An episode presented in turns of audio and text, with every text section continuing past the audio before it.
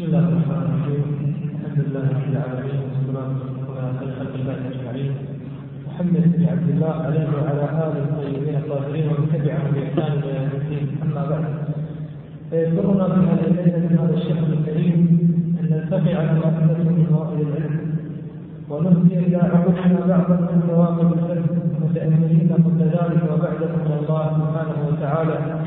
أن يديم علينا توفيقه وأن يجللنا بسره الجميل وأن يجعل تحت السر مغفرة منه رضوانه أيها الأخوة الأمور بتحية الإسلام الكريم والسلام عليكم ورحمة الله وبركاته. وباسمكم جميعا نرحب برب شيخنا الجليل الدكتور عبد الله بن صالح الفوزان. حفظه الله ورعاه وجعل أعالي الفردوس متقلبه ومثواه ونقول له بألسنة مكها سلاما ودعاء طبتم وطاب مشاكم وتبوأتم من الجنة منزلا. ونسأل الله العظيم رب العرش الكريم أن يجعل خطواتكم في موازين أعمالكم. وأن يجعل هذا العلم الذي تدرسونه في المشارق والمغارب حجة لكم وصدقة بين يدي ربكم. أيها الأخوة تعلمون ما في العلم الشرعي والذات فيه من نتيجة ومكتوبة وكرامة عند الله تعالى. فلقد أعلى الله تعالى مقدار العلماء وأعظم أجرا وحق على سلوك سبيله. كل ذلك دلالة منه سبحانه على ما للعلم من قيمة وقدر وقديما قيل ما الفضل إلا لأهل العلم إنهم على الهدى لمن استهزأ بالباطل وقيمة المرء ما قد كان يحسنه والجاهلون لأهل العلم أعداء أيها الأخوة نستميحكم العلم. ونقدم إليكم شيخنا الكريم فليتفضل مشكورا مأجورا بسم الله الرحمن الرحيم. الحمد لله رب العالمين. وأصلي وأسلم على قائد الغر المحجلين نبينا وإمامنا وقدوتنا محمد بن عبد الله وعلى آله وأصحابه أجمعين. أما بعد أيها الأحبة السلام عليكم ورحمة الله وبركاته. قبل أن أبدأ أود أن أعبر عن بالغ سروري واغتباطي بهذا اللقاء الطيب.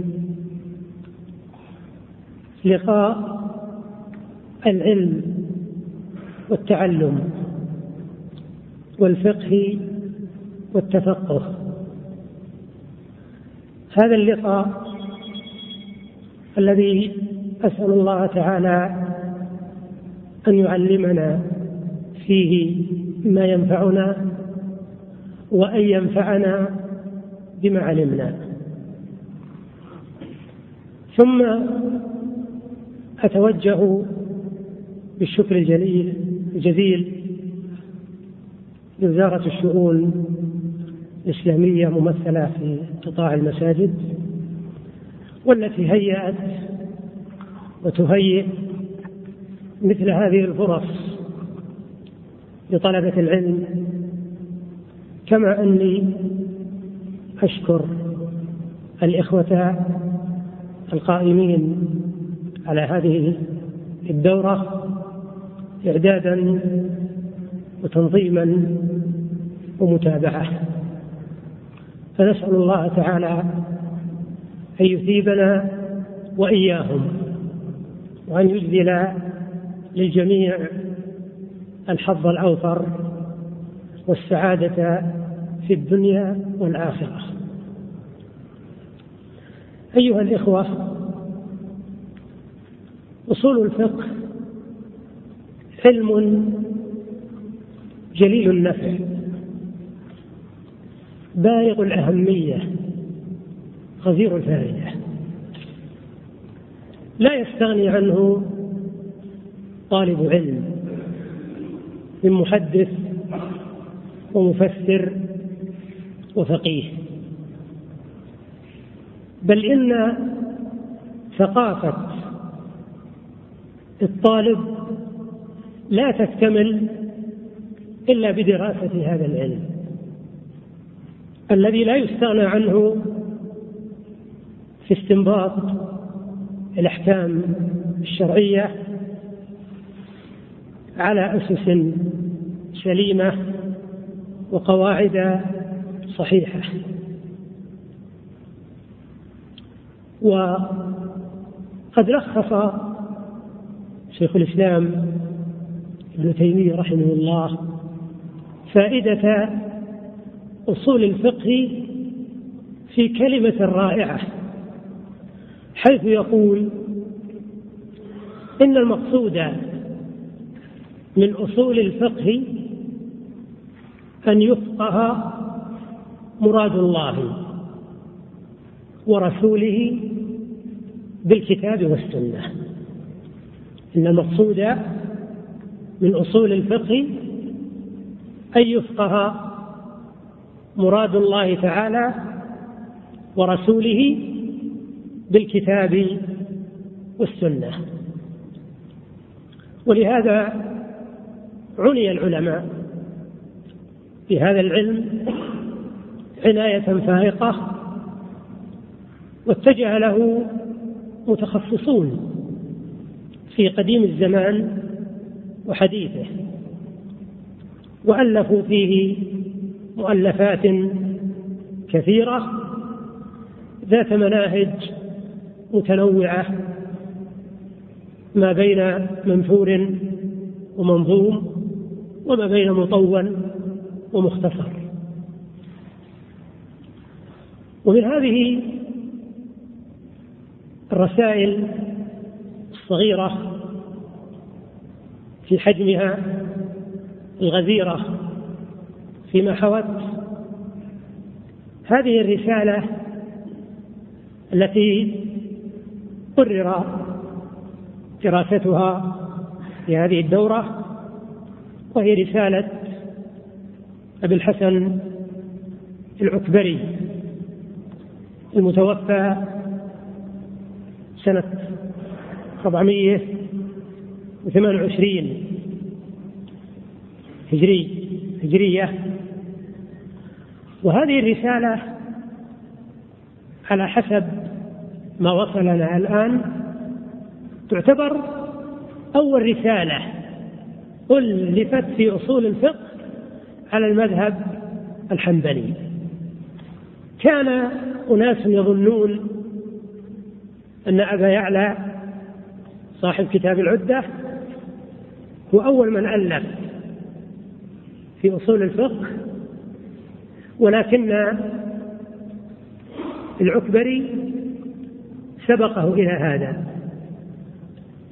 المقصود أن هذه رسالة من أول ما ألف حسب ما وصل إلينا في أصول الفقه على مذهب الحنابلة. وهذه تعتبر مزية. لا يستهان بها. أن طالب العلم يقرأ ويشرح له رسالة تعتبر أول رسالة ألفت في الأصول هذه الرسالة كما قلت رسالة مختصرة لكنها مع اختصارها فيها علم.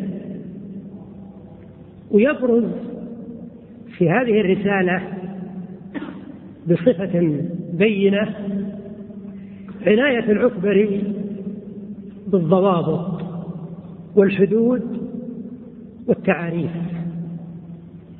والعلماء أفردوا قضية الحدود والتعاريف مصنفات مستقلة مثل كتاب الحدود للباجي وكتاب مثلا الحدود لابن فورك. العكبري ذكر في هذه الرسالة مئة حد من الحدود. هذه الرسالة لما أنه ألفت في عصر متقدم ألفت في عصر ما نضج فيه التأليف في أصول الفقه.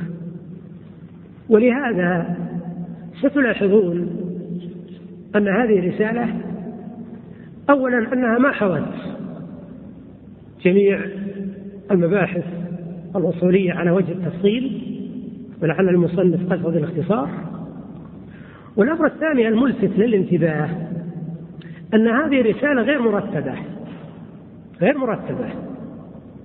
ويدلك على أنه غير مرتبة أنه ما ذكر تعريف أصول الفقه إلا في منتصف الرسالة إلا في منتصف الرسالة. ثم أنه فرق بعض المعلومات عن بعض. ثم إنه قد يرد إشكالات أحيانا في بعض المباحث التي أوردها.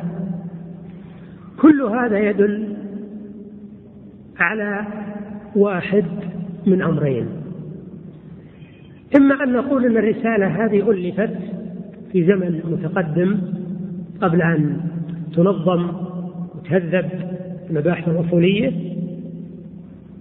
أو نقول إن المؤلف ربما أن هذه الرسالة كتبها لنفسه. وهذا يا إخوان يوجد في بعض الكتب أو بعض الرسائل تجد المؤلف ما كتبها لأجل أن تطبع. تكون على شكل كتاب يتداوله الناس لا ألفها لنفسه. فتبقى ضمن مخلفاته وأوراقه فيعثر عليها على أنها مؤلف من مؤلفاته ثم تنشر. لكن على أي حال هي رسالة قيمة وسأستفيد أنا وإياكم إن شاء الله من دراستها. لكن يبقى عندنا نقطة أخيرة أن هذه الرسالة لن يكون شرحها مفصلا نظرا للمدة المحددة التي هي خمسة أيام بواقع عشرة دروس ورسالة طبعت لكم أخيرا في أربعين صفحة باستبعاد المقدمة. إذا قسمت أربعين على عشرة معنى هذا كل درس لابد ناخذ أربع صفحات يعني لابد ناخذ ربعتين تقريبا. ومعنى هذا أن كل يوم إن شاء الله سناخذ ثمان صفحات لأجل أن نأتي عليها بكاملها. وتدريس ثمان صفحات ما يقارب يعني ساعتين ونصف تقريبا. هذا لا بد أن يكون على سبيل الإيجاد والاختصار.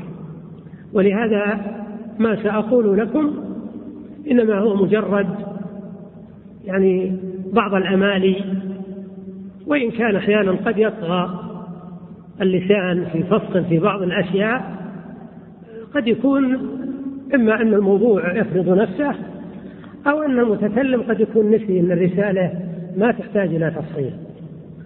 فأرجو أن تضعوا هذا الأمر نصب أعينكم. فنبدأ أولا بالمقدمة.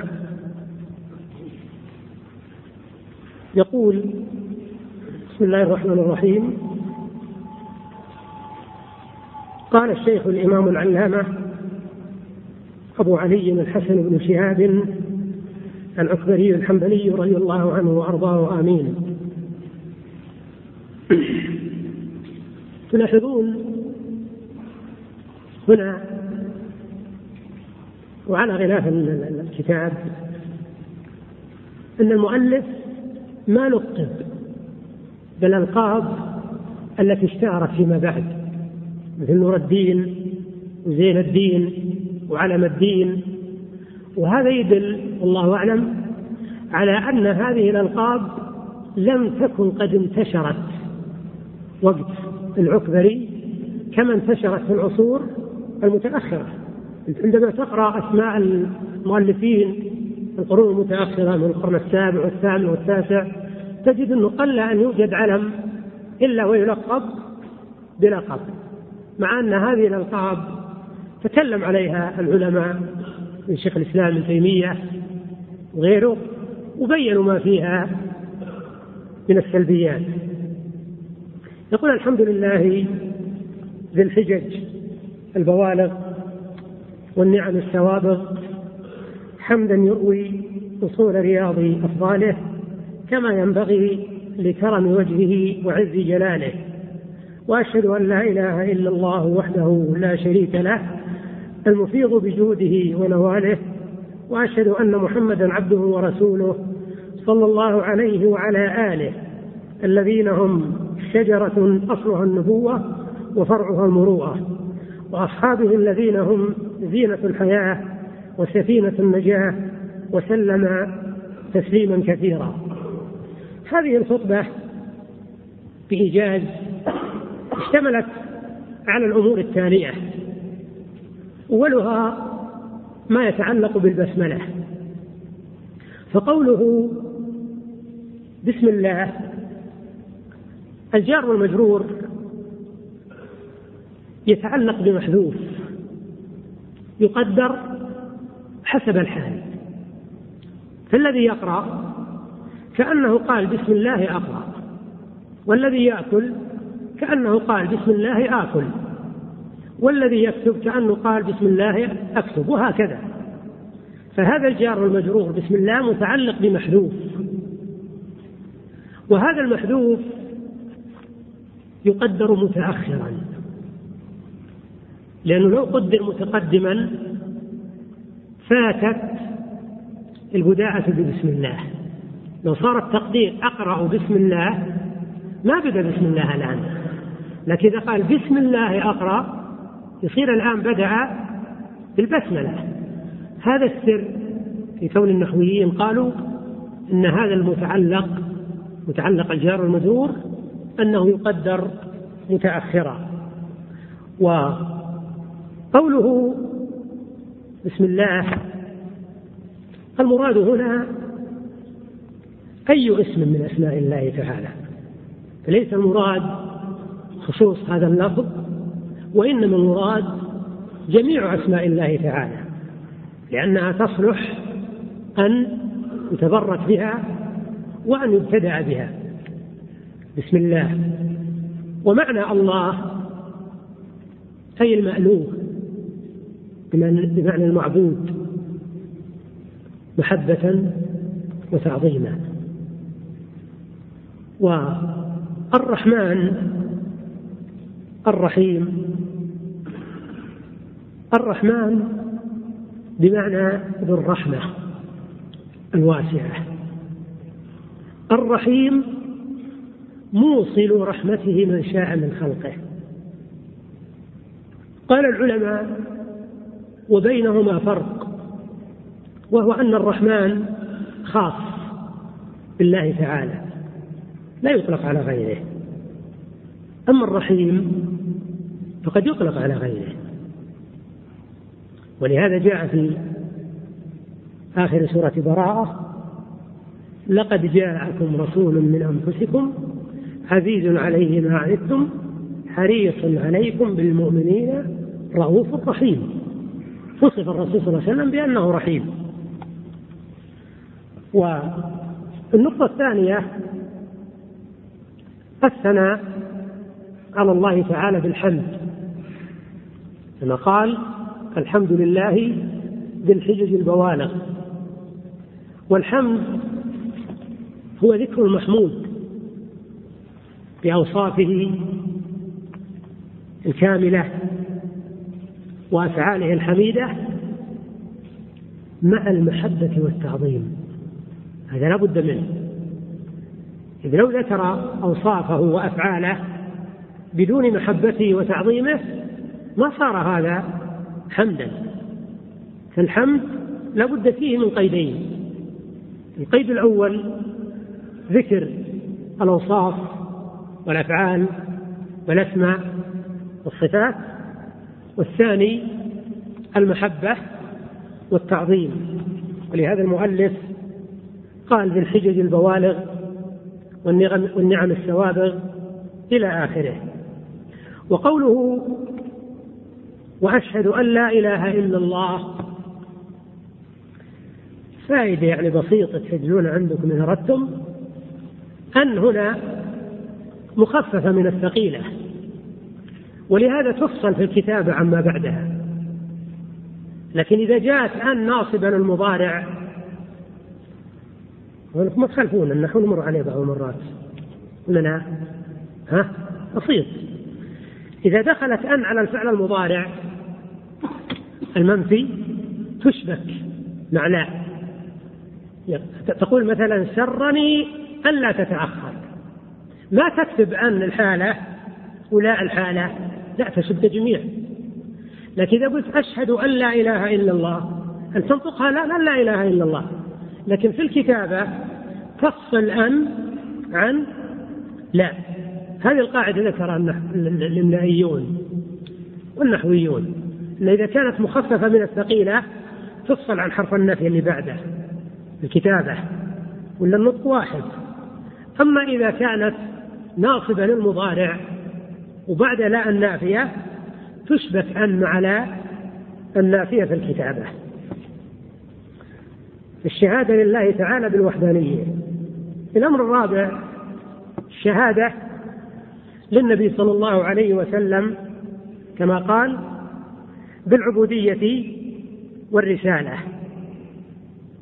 والأمر الخامس بإيجاز الصلاة على النبي صلى الله عليه وسلم وعلى آله قال وأصحابه. إذا ذكر الآل والأصحاب فسر الآل بأتباعه من أهل بيته يعني من قرابته. بهذا القيد. آله هم أتباعه من أهل بيته ومن قرابته إلى يوم القيامة. أتباعه هؤلاء هم آله من آله وقرابته. أما أصحابه فالمراد بهم أتباعه على دينه إلى يوم القيامة. إلى يوم القيامة. وإن كان بعضهم رأي له رأي يقول آل النبي هم أتباع ملته. هذا رأي آخر. آل النبي هم هم أتباع ملته. على الشريعة من عجم ومن عربي. يعني يقصد أن آله لا بد أنهم يتبعونه على دينه. كذا. لو لم يكن آله إلا قرابته يعني على الإطلاق صلى المصلي على الطاغي أبي لهب. كان يصير أبو لهب من آل الرسول صلى الله عليه وسلم. إذا الآن ما هم أتباعه على يعني قرابته فقط؟ لا. هم أتباعه على دينه من قرابته. هذا هو الفرق بينهما.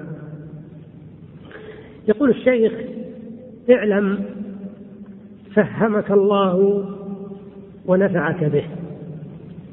اولا قوله اعلم هذه كلمة يؤتى بها من باب التنبيه. لأجل حث طالب العلم على التهيؤ لما سيقال. إذا قيل اعلم انتبه لماذا لما سيقال بعد اعلم. هذه فائدتها.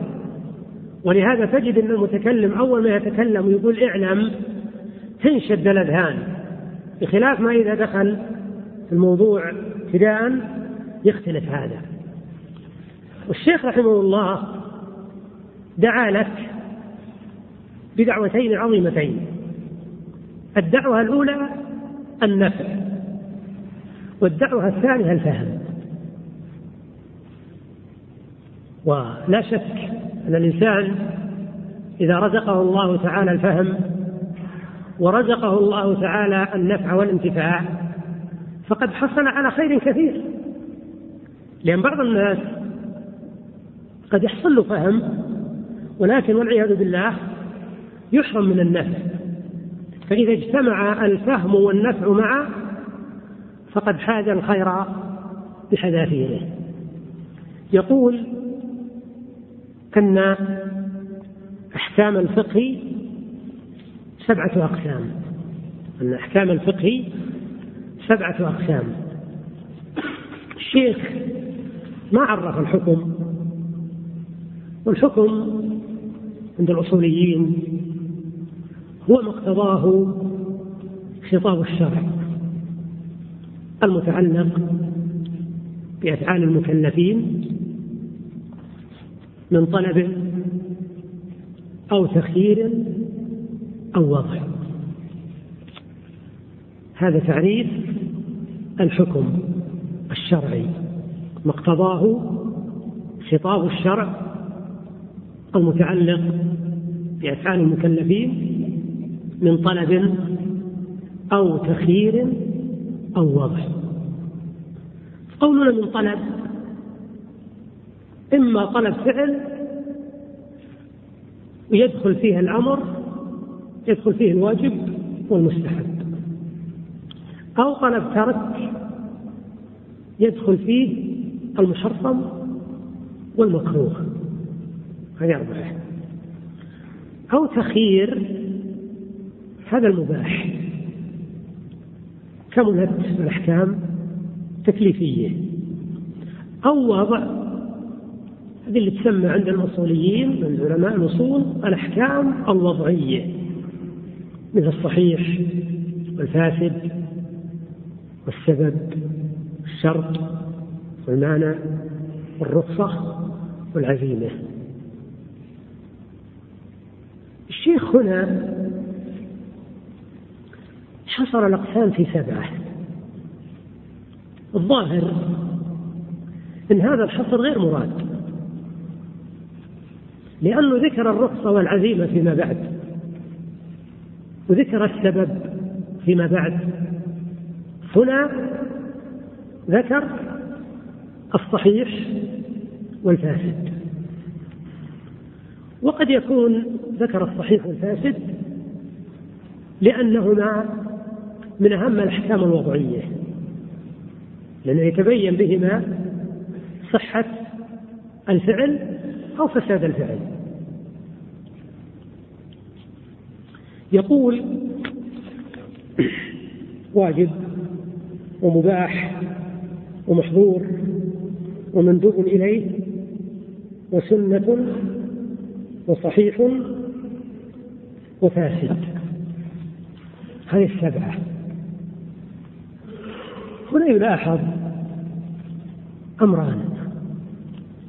الأمر الأول أن الشيخ ما ذكر المكروه. ما ذكر المكروه. مع أنه ذكره فيما بعد.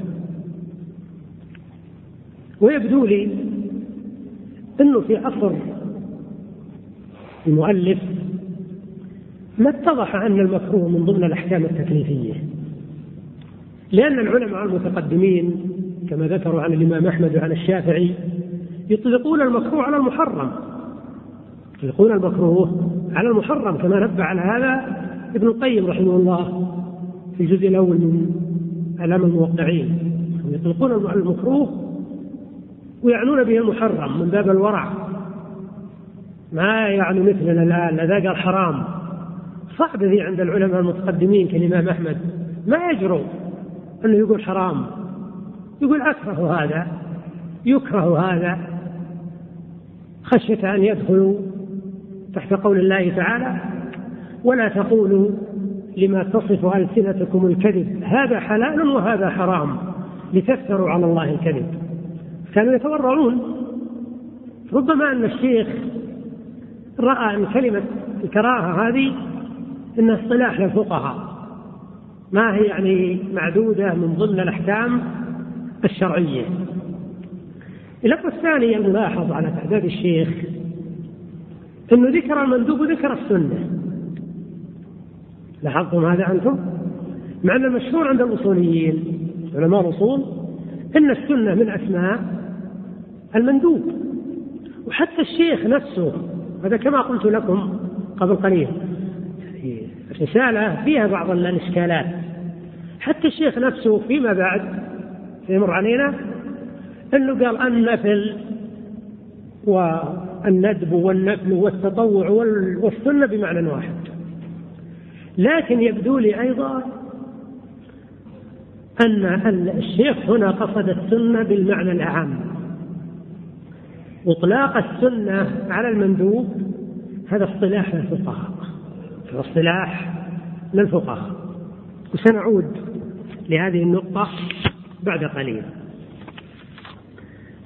بدأ بالتفصيل. فقال الواجب ما يثاب المكلف على فعله ويعاقب على تركه. الواجب في اللغة معناه السقوط واللزوم ومنه قول الله تعالى فإذا وجبت جنوبها أي سقطت. لأن الإبل تعقل. واحدة من قوائمها تقوم على ثلاث ثم تنحر. إذا نحرت بالتأكيد ستسقط. ولهذا قال تعالى فاذكروا اسم الله عليها صواف يعني صاف على ثلاثة. فإذا وجبت جنوبها فكلوا منها. ومعنى وجبت جنوبها يعني سقطت. قال علماء اللغة والسقوط يلزم منه اللزوم لأن إذا اسقطت ما يمكن تتحول عن محلها تلزم المحل الذي سقطت فيه. وهكذا الأحكام الشرعية كأنها تقع على المكلف وقوعا ما تنفك عنه إلا إذا فعلها. في الصلاة مثلا تقع عليه الصلاة ولا تنفك عنه الصلاة إلا إذا فعلها. هذا المعنى اللغوي للزوم والوجوب اللي هو السقوط. أما الواجب في اصطلاح الأصوليين ف يعني أحب أن تأخذوا قاعدة هنا. الأصوليون عندما يجون يعرفون الواجب المندوب إلى آخره صاروا فريقين. فريق يعرف الواجب مثلا بالحد وفريق يعرفه بالحكم والثمرة. فإذا قلنا الواجب ما أمر به الشرع على وجه الإلزام. هذا يسمى تعريف الواجب بالحد. بيجينا إن شاء الله تعريف الحد. الحد يا إخوان والتعريف معنى واحد. إذا قيل عرف الواجب مثل لو قيل اذكر حد الواجب. ما في فرق. فبعضهم يعرفه بالحد. يعني يبين ضوابط الواجب. الواجب الضابط الأول ما أمر به الشارع. ما أمر به الشرع يكفي؟ قال لك لا. لو قلنا ما أمر به الشرع يدخل معنا المندوب. لأن المندوب أمر به الشرع إذا نجيب زيادة قيد حتى نطلع المندوب. إذا قلنا على وجه الإلزام خرج المندوب. لأن المندوب ليس على وجه الإلزام. هذا تعريف للواجب بالحد. التعريف الثاني بالثمرة والنتيجة والحكم. وهي ما حكم من يفعل الواجب؟ مثل ما قال الشيخ. يثاب فاعله ويعاقب تاركه هذا يسمى تعريف بالثمرة.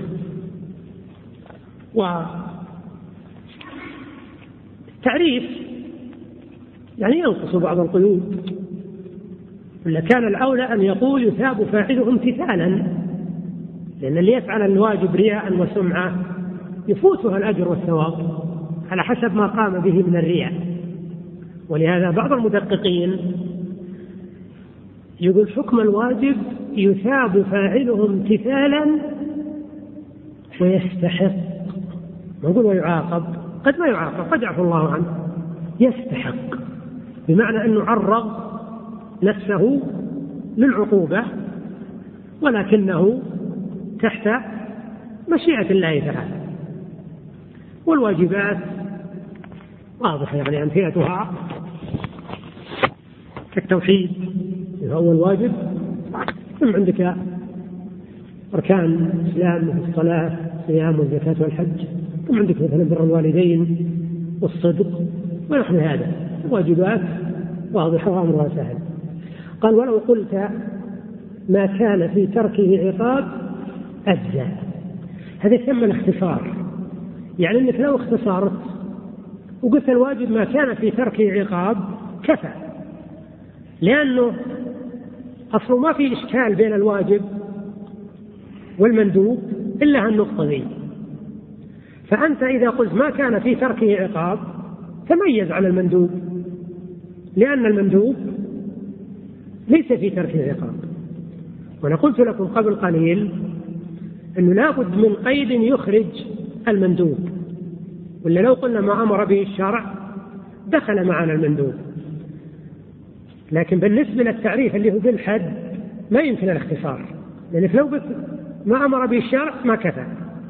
لكن التعريف اللي بالثمرة أو بالحكم هذا يمكن اختصاره. أي التعريفين أزود.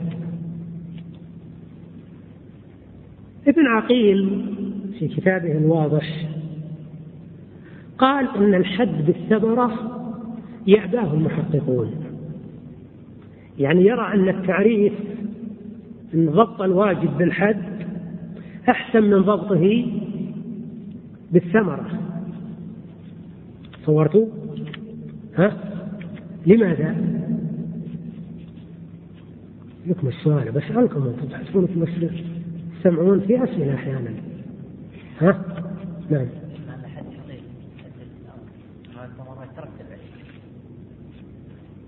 زين يعني حول الجواب أنت؟ ها؟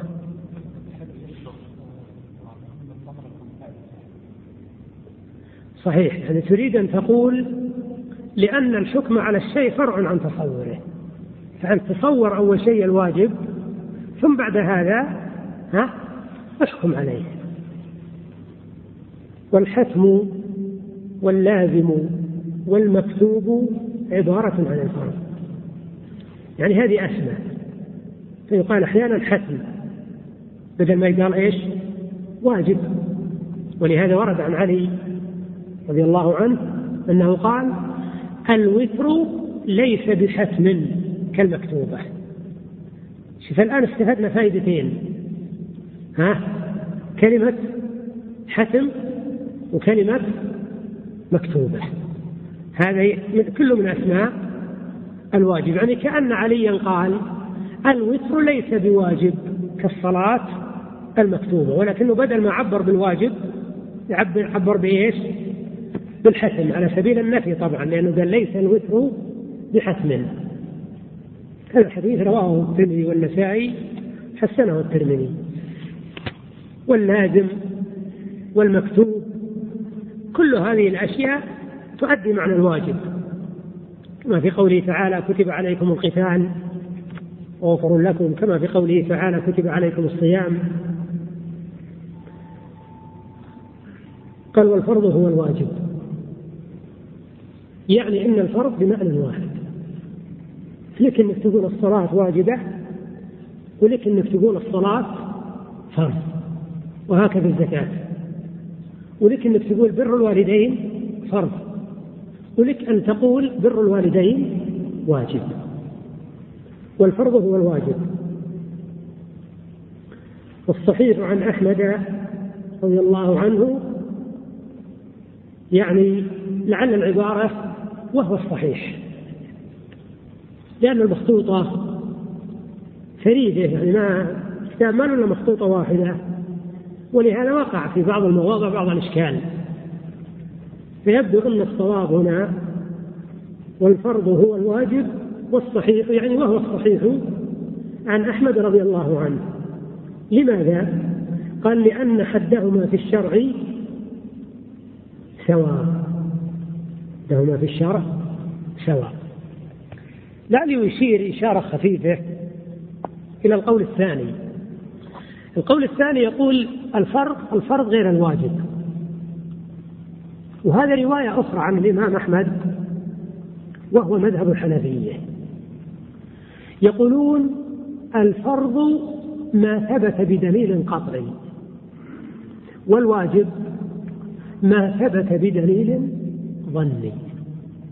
إيش يقول لك اللي يجينا بالقرآن؟ نقول إنه فرض واللي يجينا مثلا بالأحاديث المتواترة؟ نقول إنه فرض لأن هذه قطعيات. الذي يأتي خبر الآحاد صحيح. أو مثلا بالقياس نقول هذا واجب. هذه وجهة نظرهم. طيب ليش سميت واللي يجي بالقرآن فرض؟ قال لأن كلمة فرض باللغة أقوى من كلمة واجب. كلمة واجب في اللغة إيش معناها في اللغة؟ معناها السقوط. لكن فرض في اللغة معناها الحز والقطع. إذا هي أقوى. قالوا إذا يناسبها الأقوى. لكن مثل ما قال الشيخ رحمه الله قال لأن حدهما في الشرع سواء. لماذا؟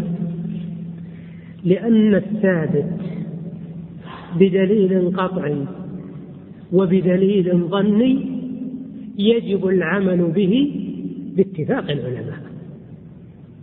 هذا التعليل. انتبهوا هذا تعليل قوي لأن الثابت من الأحكام الشرعية يعني. بالف... بال... بالقطعي يعني بالدليل القطعي أو بالدليل الظني يجب العمل به باتفاق العلماء. ما قال العلماء يجب العمل بخبر الآحاد؟ لأن خبر الآحاد ما يفيد القطع يفيد الظن. مع هذا يجب العمل به. باتفاق العلماء. إذا سمهما بما شئت. سمه واجبا أو سمه فرضا. نعم. فلا داعي للتفريق بينهما. والمباح كل فعل مأذون فيه لفاعله لا ثواب له في فعله ولا عقاب عليه في تركه. اولا المباح في اللغة هو الشيء المعلن المأذون فيه. تقول العرب باح فلان بسره يعني أعلنه اللي عنده الخبر. باح به بمعنى أعلنه ونشره.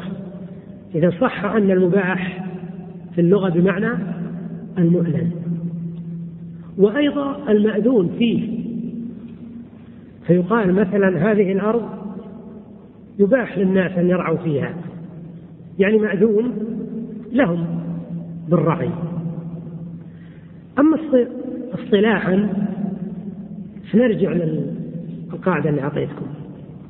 إن عرفنا المباح في الحد نقول ما لا يتعلق به أمر ولا نهي. يعني أن المباح ما أمرك به الشرع ولا نهاك عنه. من أمثلته الأكل ليلا في رمضان.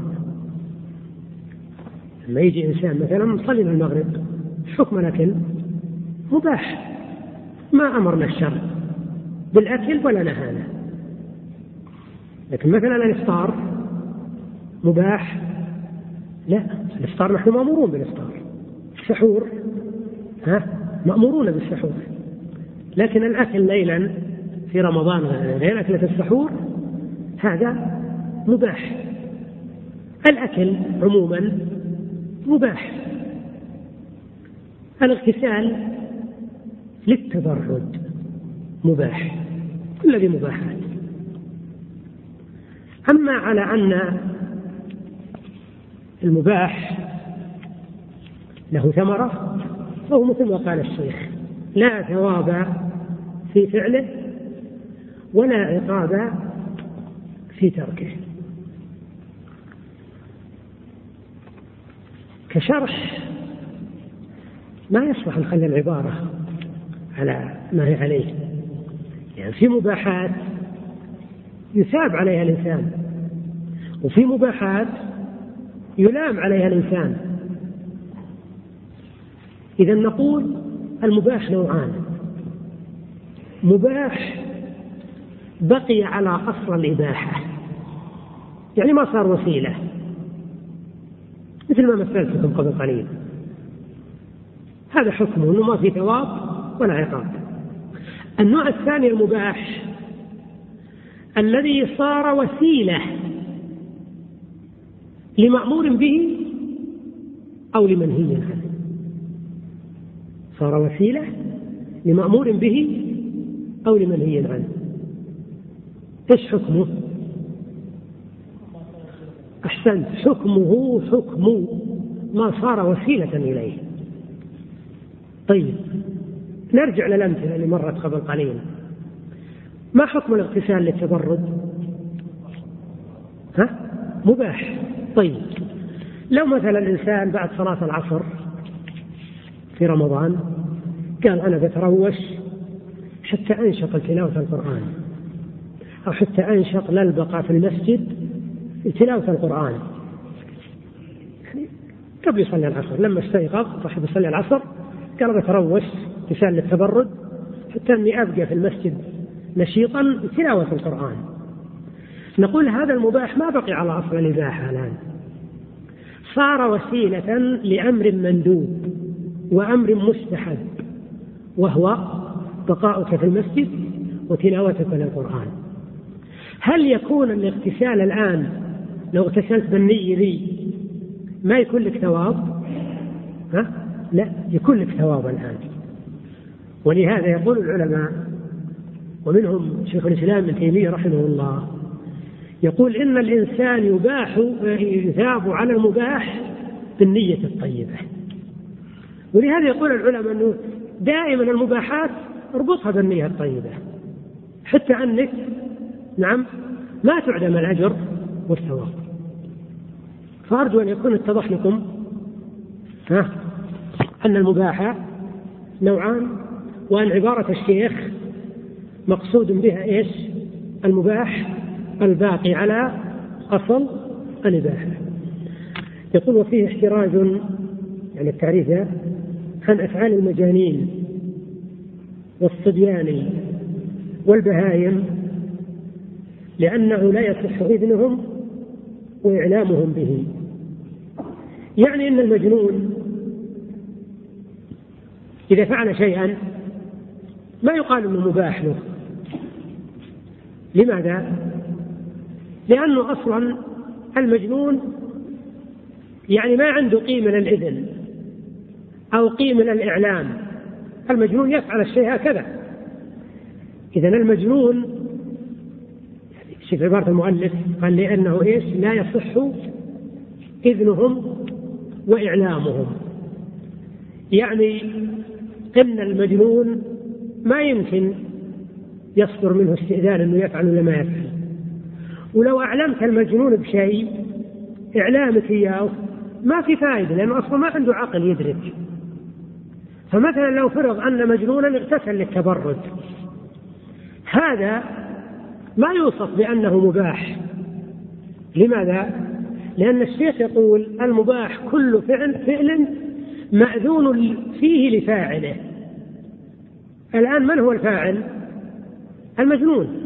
هل المجنون يمكن قرارة عقله وذهنه إن كان عنده عقل أنه يحس بالإباحة هذه؟ لكن أنت عندما تأكل في رمضان ليلا أنت الآن تدرك أن الشرع ذلك أنك تأكل. لكن المجنون عندما يأكل في رمضان ليلا هل عنده إدراك أن الشرع ذله؟ ما عنده إدراك.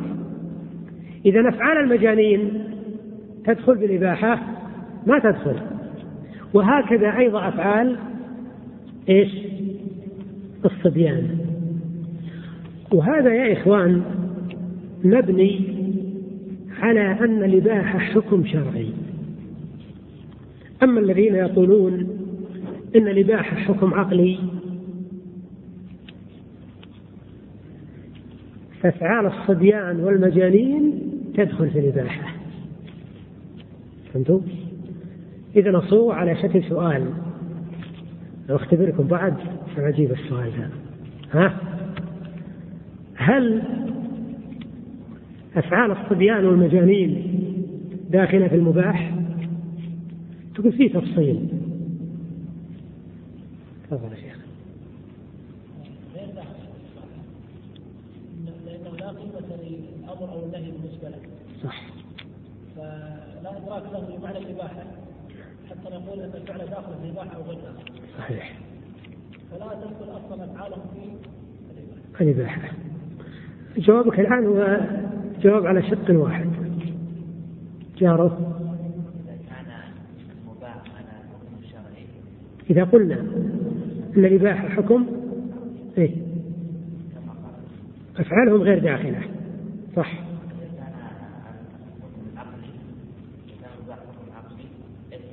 صحيح إيش معنى حكم عقلي؟ يعني إن المباحات باقيه على الأصل على البراءة الأصلية قبل يجي الشرع. يعني يصير مثلا الأكل ليلا قبل يجي الشرع. قبل تجي الشريعة. مو بالاصل في الأكل ليلا الاباحه. فمن العلماء من يقول لا أن الأكل ليلا هذا حكم شرعي ما أخذناه إلا عن حكم الشرع. وبعضهم يقول لا أن الاباحه أن الأكل ليلا موجود قبل يجي الشرع اذا نسمي الاباحه على الكلام الأخير نقول إن الاباحه أن حكم عقلي. إذا كانت حكما عقليا تصير افعال الصبيان والمجانين داخله في الاباحه لأن من سحب ها الحكم العقلي. يعني بمعنى أدق ما يهمنا يدرون ولا ما يدرون؟ كيفهم؟ هذا على أنه حكم عقلي. لكن على أنه حكم شرعي يا إخوان لا بد أن يدركوا أن الشرع أباح لهم وهل يدركون أو ما يدركون؟ ها؟ ما يدركون. أفهمتم هذا؟ ها؟ طيب. إذا يعني عبارة المؤلف مبنية على أن الإباحة حكم شرعي. أما إذا قلنا إن الإباحة حكم عقلي فأفعال الصبيان والمجانين توصف بالإباحة. ولا يدخل على ذلك فعل الله. كما لا يجوز أن يوصف أنه مأذون له. يعني هذا واضح لأن الله جل وعلا هو مالك الملك. نعم؟ وهو الذي يأذن لعباده. فلا تدخل أفعال الله تعالى في حكم الإباحة. والعلماء رحمهم الله يذكرون أحيانا بعض الأشياء اللي قد تكون واضحة لكنهم يذكرون أحيانا خشية أن يكون فيها مدخل لأهل البدع. هم يذكرون من هذا الباب. قال والمحظور هذا الثالث ما يعاقب المكلف على فعله. ويثاب على تركه. مثل ما قلت لكم قبل قليل. إن أردنا أن نعرف المحظور وهو المسمى بالحرام بالحد نقول ما نهى عنه الشرع على وجه الإلزام. على وجه الإلزام. كالشرك. بالله تعالى. ثم تجي المحرمات مثل الكبائر مثل الربا والزنا شرب الخمر. والقذف الكذب وهكذا باقي المحرمات شرب الدخان إسبال الثياب حلق اللحى كل هذه من المحرمات. فإذا قلنا ما نهى عنه الشرع ما يكفي. يسمى تعريف غير جامع غير مانع لأنه يدخل المكروه. إذا قلنا على وجه الإلزام يخرج المكروه. لأن المكروه ما فيه إلزام. ولهذا ما رتب عليه عقاب مثل الأخذ والإعطاء بالشمال. لو إنسان مثلا أعطيته جوال مثلا باليسرى أو أخذت منه الحاجب اليسرى هذا مكروه عند العلماء خلاف الأكل والشرب. يعني الأكل والشرب ورد في وعيد هو محرم. لكن الأخذ والإعطاء مكروه ولا ينبغي. ولهذا يقول العلماء إن فاعل المكروه مسيء مسيء وغير ممتثل المقصود كما نطيل أن هذا هو تعريف المحظور. والحظر في اللغة معناه الحجر. والمنع. إذا قيل هذا محظور بمعنى ممنوع. قال تعالى ومن كان عطاء ربك محظورا أي ممنوعا فإذا عرفناه بالثمرة فهو كما قال الشيخ ما يعاقب المكلف على فعله ويثاب على تركه.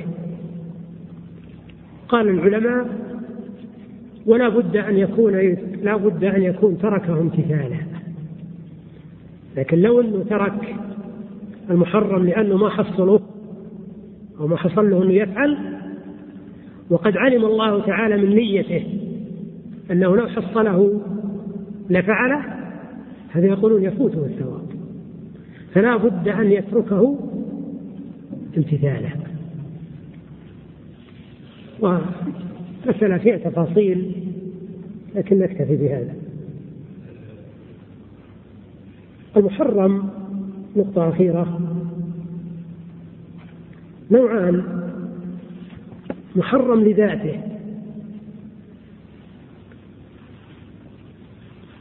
محرم لذاته مثل الزنا شرب الخمر كما ذكرنا.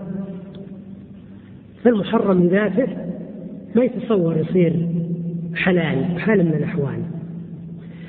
النوع الثاني يسمى محرم لغيره. المحرم لغيره هو المباح الذي صار وسيلة. مثل البيع أصلها الإباحة لكن لو باع يوم الجمعة بعد النداء الثاني فالبيع محرم يعني منهي عنه. ومثل صلاة النفل. الأصل في صلاة النفل الإباحة والاستحباب. لكن لو صلى النفل وقت النهي ما يجوز. إذا هل الصلاة حال وقت النهي حرمت لذاتها أو حرمت لغيرها يعني لأمر آخر؟ لأمر آخر. البيع عند النداء هل البيع حرم لذاته؟ لا الأصل في البيع الإباحة لكنه حرم لغيره يعني لأجل أمر آخر وهو النداء. والندب استدعاء الفعل بالقول ممن هو دونه على وجه يتضمن التخير بين الفعل والترك والمندوب ما كان في فعله ثواب وليس في تركه عقاب.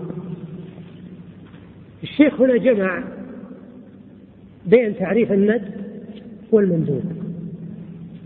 لأن بينهما فرقا. لأن الند معناه الطلب. والشيء المطلوب نعم هو المندوب. فإذا قال مثلا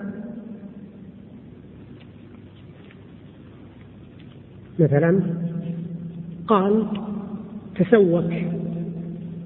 عند حضور الصلاة.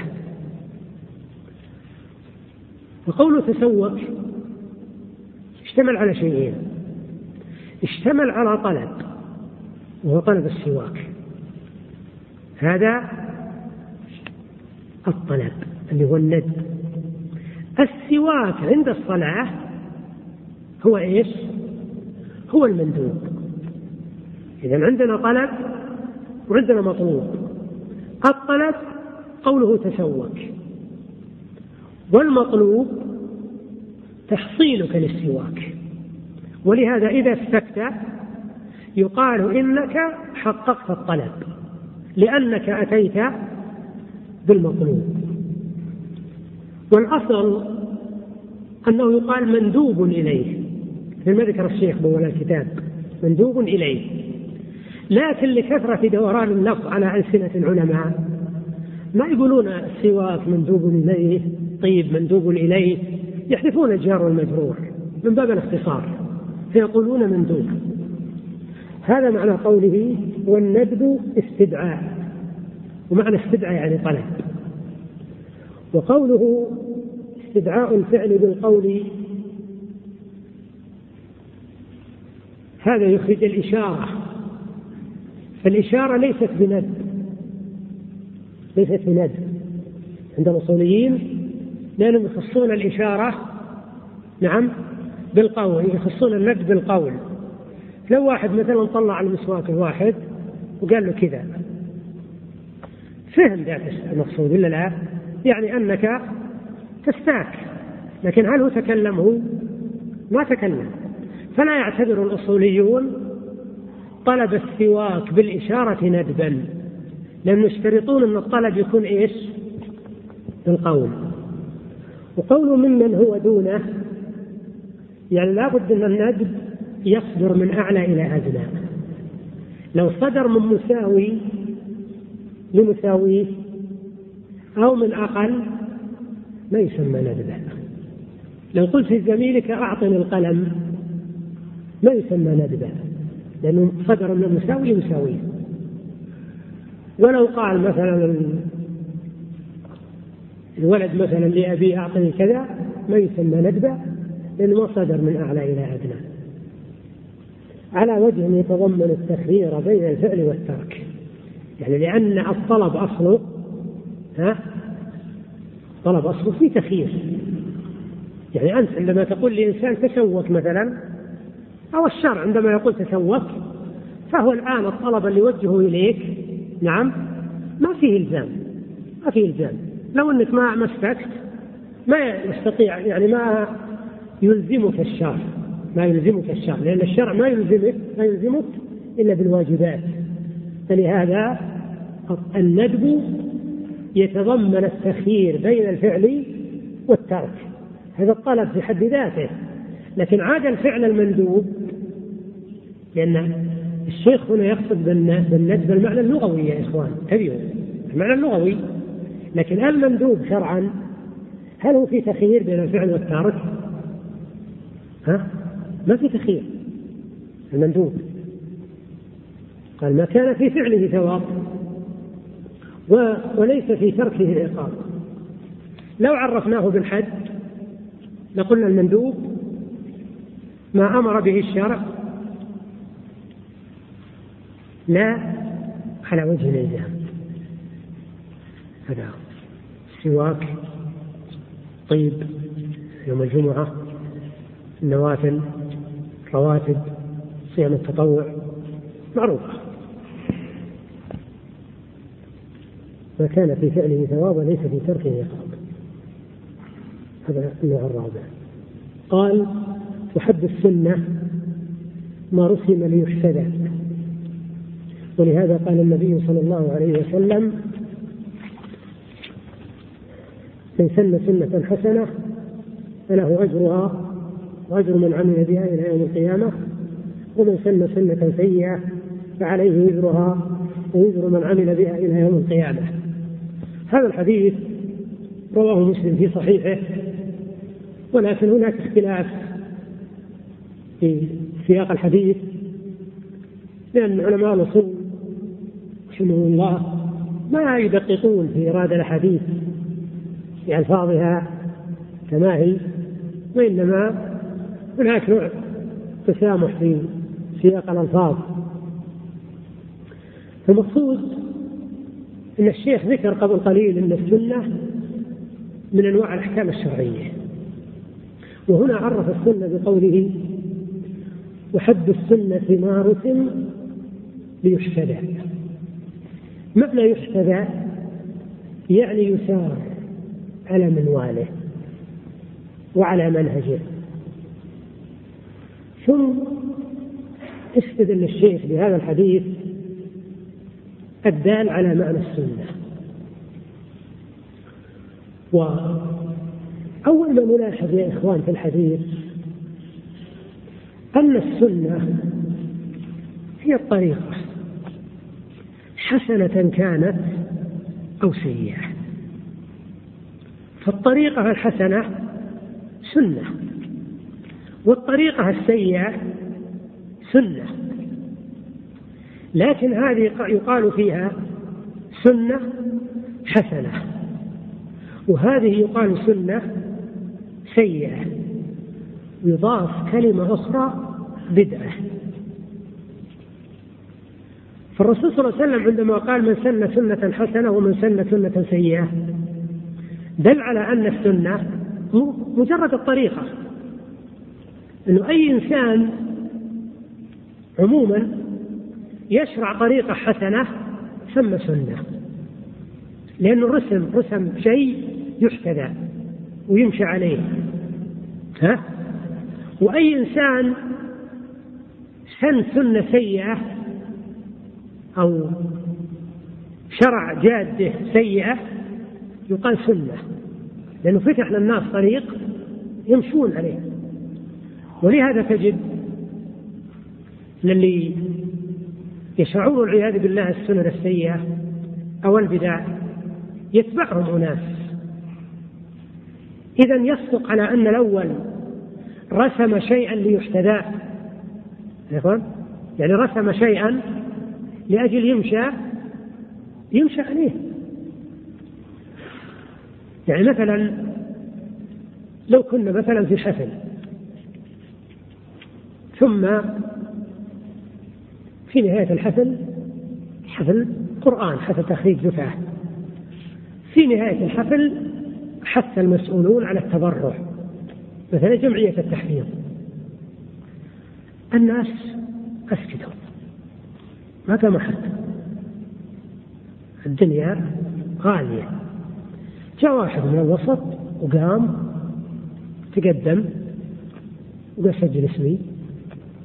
مبلغ كذا وكذا. حتى لو أخبر من المبلغ يجوز.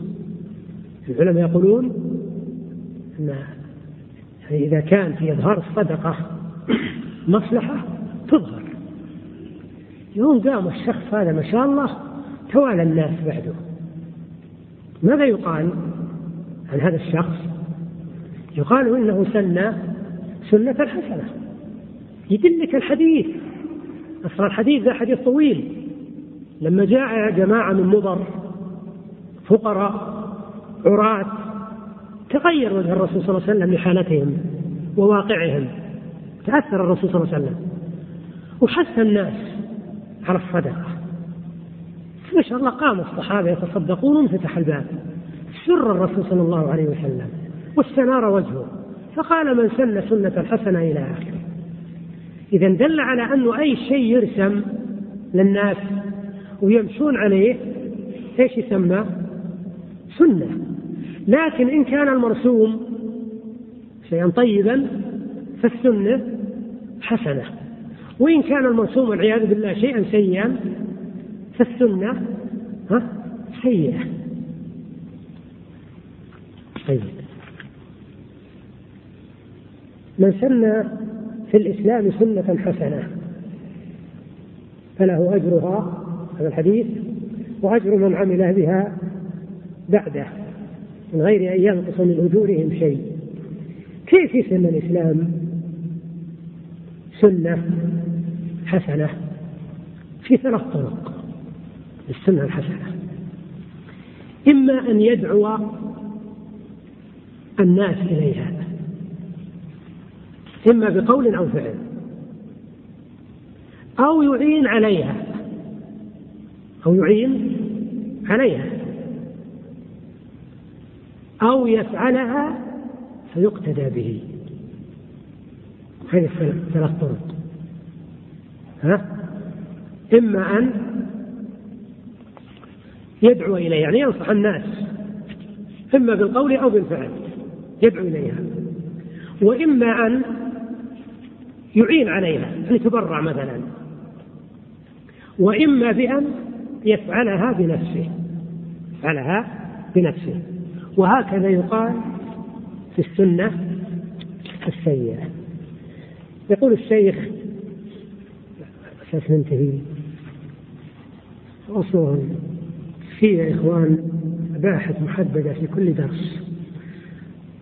ما نريد أن نتركها لأجل أن تكون على حساب الدرس اللي بعده. يستمر التأخر. لعلكم يعني تحملون بعض الأشياء أحيانا. وقد يطلق إطلاق وقد يقع إطلاق اسم السنة على الواجب وما ليس بواجب. نعم هذا كلام صحيح. السنة ما هي خاصة بالواجبات ولا خاصة بالمندوبات. لكن إذا ذكرنا السنة مع أسماء المندوب قصدنا السنة غير الواجبة. هذا اصطلاح للفقهاء أنا قلت لكم أول الكلام. أنا قلت لكم لعل الشيخ يعني ذكر السنة من ضمن الأحكام الشرعية. لأنه إيش؟ لأن السنة تطلق على الواجب وغير وغير الواجب. فمثلا من إطلاق السنة على الواجب.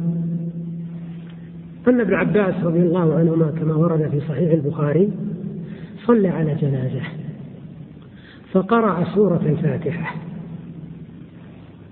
فقال لتعلموا أنها سنة. تعلموا أنها سنة. وليس المقصود لتعلموا أنها واجبة أنها يعني نفل مستحبة لا. لأن العلماء اعتبروا قراءة الفاتحة من الواجبات اعتبروها من الأركان. لو إنسان مثلا صلى على جنازة ولا قرأ الفاتحة ما صحت صلاته إذا أطلقت السنة على إيش؟ على الواجب. أما إطلاق على غير الواجب هذا مبثوث في كتب الفقه. لما يقولون مثلا صلاة العيد سنة صلاة الاستسقاء سنة صلاة الكسوف مثلا سنة ها؟ أطلق السنة على غير الواجب على الخلاف طبعا. ويكثر في لسان الفقهاء لو يعني لو ما هو لو ما لقيه لو. كما تلاحظون في كتب الفقه كلمة يسن ها يستحب تكثر في كتب الفقه. قال الله تعالى سنة الله التي قد خلت في عباده أي شريعة الله. يعني هذا يبين الشيخ أن السنة تطلق على الشريعة. كذا. مع أن الشريعة تشمل الواجبات والمستحبات وقال عليه السلام من السنة ألا يقتل الحر بالعبد وقال عليه السلام من السنة. العبارة دي مشكلة. كان المراد الرسول صلى الله عليه وسلم. كيف الرسول صلى الله عليه وسلم يقول من السنة؟ إن كان المراد الصحابي هذا هو الصواب. الحديث مو مرفوع حديث موقوف. حديث من كلام علي رضي الله عنه. علي رضي الله عنه هو الذي قال من السنة أن لا يقتل حر بعبد ولا تعرفون يعني كلمة علي عليه السلام. أقول مشتهرة ومنتشرة عند الشيعة وفي الكتب. الكتب الزيدية عندما تقرأ من الأوطار للشوكاني وسبل السلام الصنعاني تجد في الكتاب وقال علي عليه السلام علي عليه السلام إلى آخره. لكن ما أدري يعني هل المراد عليه السلام هنا الرسول صلى الله عليه وسلم ولا المراد عليه السلام علي؟ وكان المفروض أنه يقول وقال علي لأن الحديث كما قلت لكم ليس مرفوعا. وإنما هو من كلام علي رضي الله عنه والحديث هذا إسناد ضعيف جدا من السنة ألا يقتل حر بعبد. إسناد الحديث هذا ضعيف جدا لأن فيه جابرا الجعفي وجابر هذا متروك ولهذا الصواب أن الحر يقتل بالعبد يعني لو حر قتل عبدا يقتص منه. منه لعموم الآيات الدالة على القصاص. أما قوله تعالى الحر بالحر والعبد بالعبد فلا يفهم من هذه الآية أن الحر لا يقتل بالعبد لأن الآية ما جاءت بهذا المعنى. ما جاءت بهذا المعنى. قال والشريعة تعم الواجب وغيره إلا أن الغالب عند الفقهاء أن إطلاق اسم السنة يقع على ما ليس بواجب. إذا الفقهاء يجعلون السنة إيش؟ بمعنى المندوب. لنا الفقهاء يجعلون السنة بمعنى المندوب. طيب. إذا أردنا أن نعرف السنة على اصطلاح الفقهاء يقول الشيخ فعل هذا. وين الإشارة ذا يروح؟ فعلى اصطلاح الفقهاء. يجب أن يقال عند الفقهاء السنة ما رسم ليحتذى استحبابا.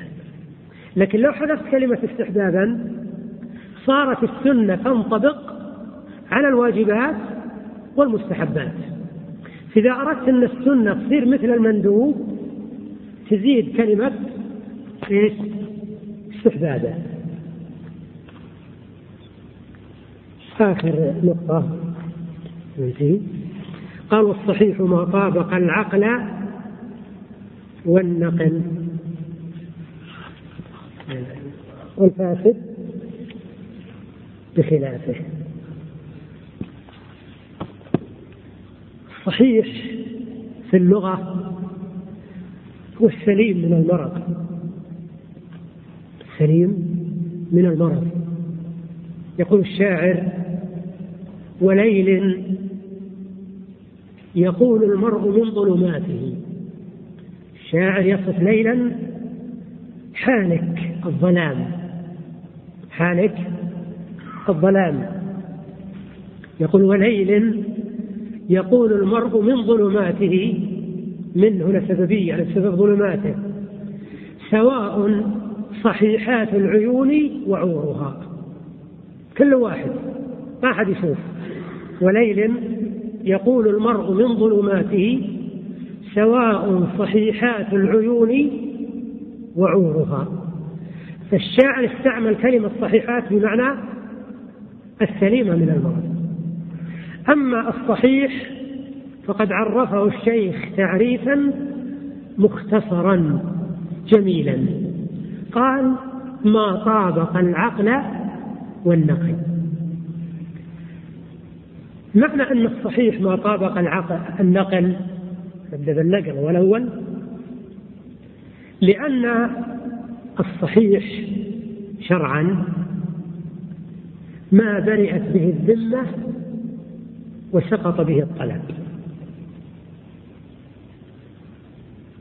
هذا من العبادات. ومن العقود ما ترتبت آثاره عليه.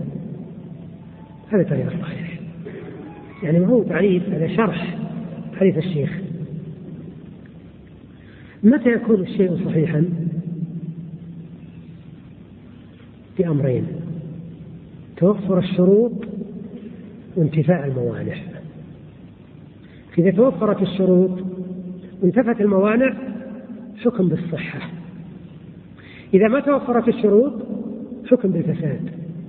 توفرت الشروط ما انتفت الموانع؟ حكم بالفساد. إليكم الأمثلة. إنسان مثلا صلى صلاة الظهر بشروطها وأركانها وواجباتها. إيش نقول؟ صلاتك صحيحة. يقول إيش معنى صحيحة؟ نقول طابقت النقل. يقول إيش معنى طابقت النقل؟ نقول برئت ذمتك وسقط عنك الطلب. لكن لو إنسان مثلا صلى قبل دخول الوقت أو صلى على غير طهارة إيش نقول عن الصلاة؟ فاسدة لماذا؟ ليش؟ أو يقول ما معنى فاسدة؟ لأن عندكم الكتاب يقول الفاسد بخلافه كذا نقول لأنه ما طابقت النقل يقول إيش معنى مطابقة النقل؟ نقول ما برئت ذمتك وإلى الآن ما سقط عنك الطلب لا بد أن تنتظر حتى يدخل الوقت في الصورة الأولى أو تتوضأ في الصورة الثانية. هذا بالنسبة لإيش؟ للعبادات توفر الشروط. انتفاع الموانع لو باع يوم الجمعة بعد النداء الثاني. يقول أنا كل شروط البيع اللي ذكر الفقهاء مثل الزاد وغيره كلها متوفرة عندي. يمكن خطري على الزوج فأنا ما زودت بعد بعض الشروط. نقول صحيح الشروط متوفرة عندك لكن وجد عندك مانع وهو أنك بعت وقت النداء. هذا يمنع من صحة البيع. هذا بالعقود طيب بالعبادات إنسان لما أنه زغت الشمس صف يصلي يقول صلاتك فاسدة. يقول ليش؟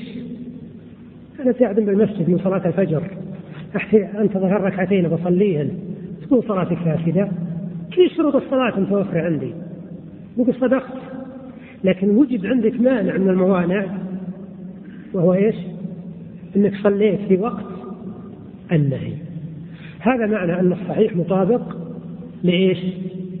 للنقل أما مطابقة العقل فالشيخ رحمه الله كأنه يميل إلى رأي بعض العلماء وهو أن الصحيح لا بد أن يطابق العقل بمعنى أن العقل يدرك الصحة من الفساد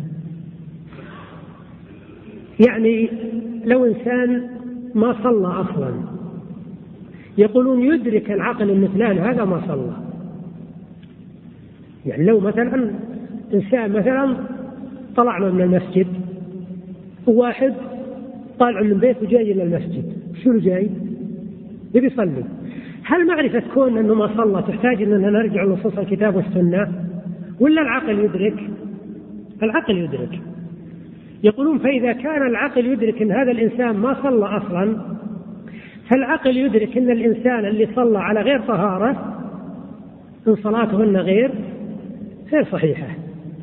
فالشيخ مشى على رأي يقول أن الصحة والفساد مين من الأحكام الشرعية. إنما من الأحكام إيش؟ العقلية. لكننا نقول كأن الشيخ أراد أن يجمع بين الرأيين. لأنه ما قال الصحيح ما طابق العقل. قال الصحيح ما طابق العقل والنقل. وأنتم تعرفون أن العقل الصحيح لا يصادم النقل يمشي مع النقل. نكتفي بهذا القدر. والله سبحانه وتعالى أعلم. صلى الله عليه وسلم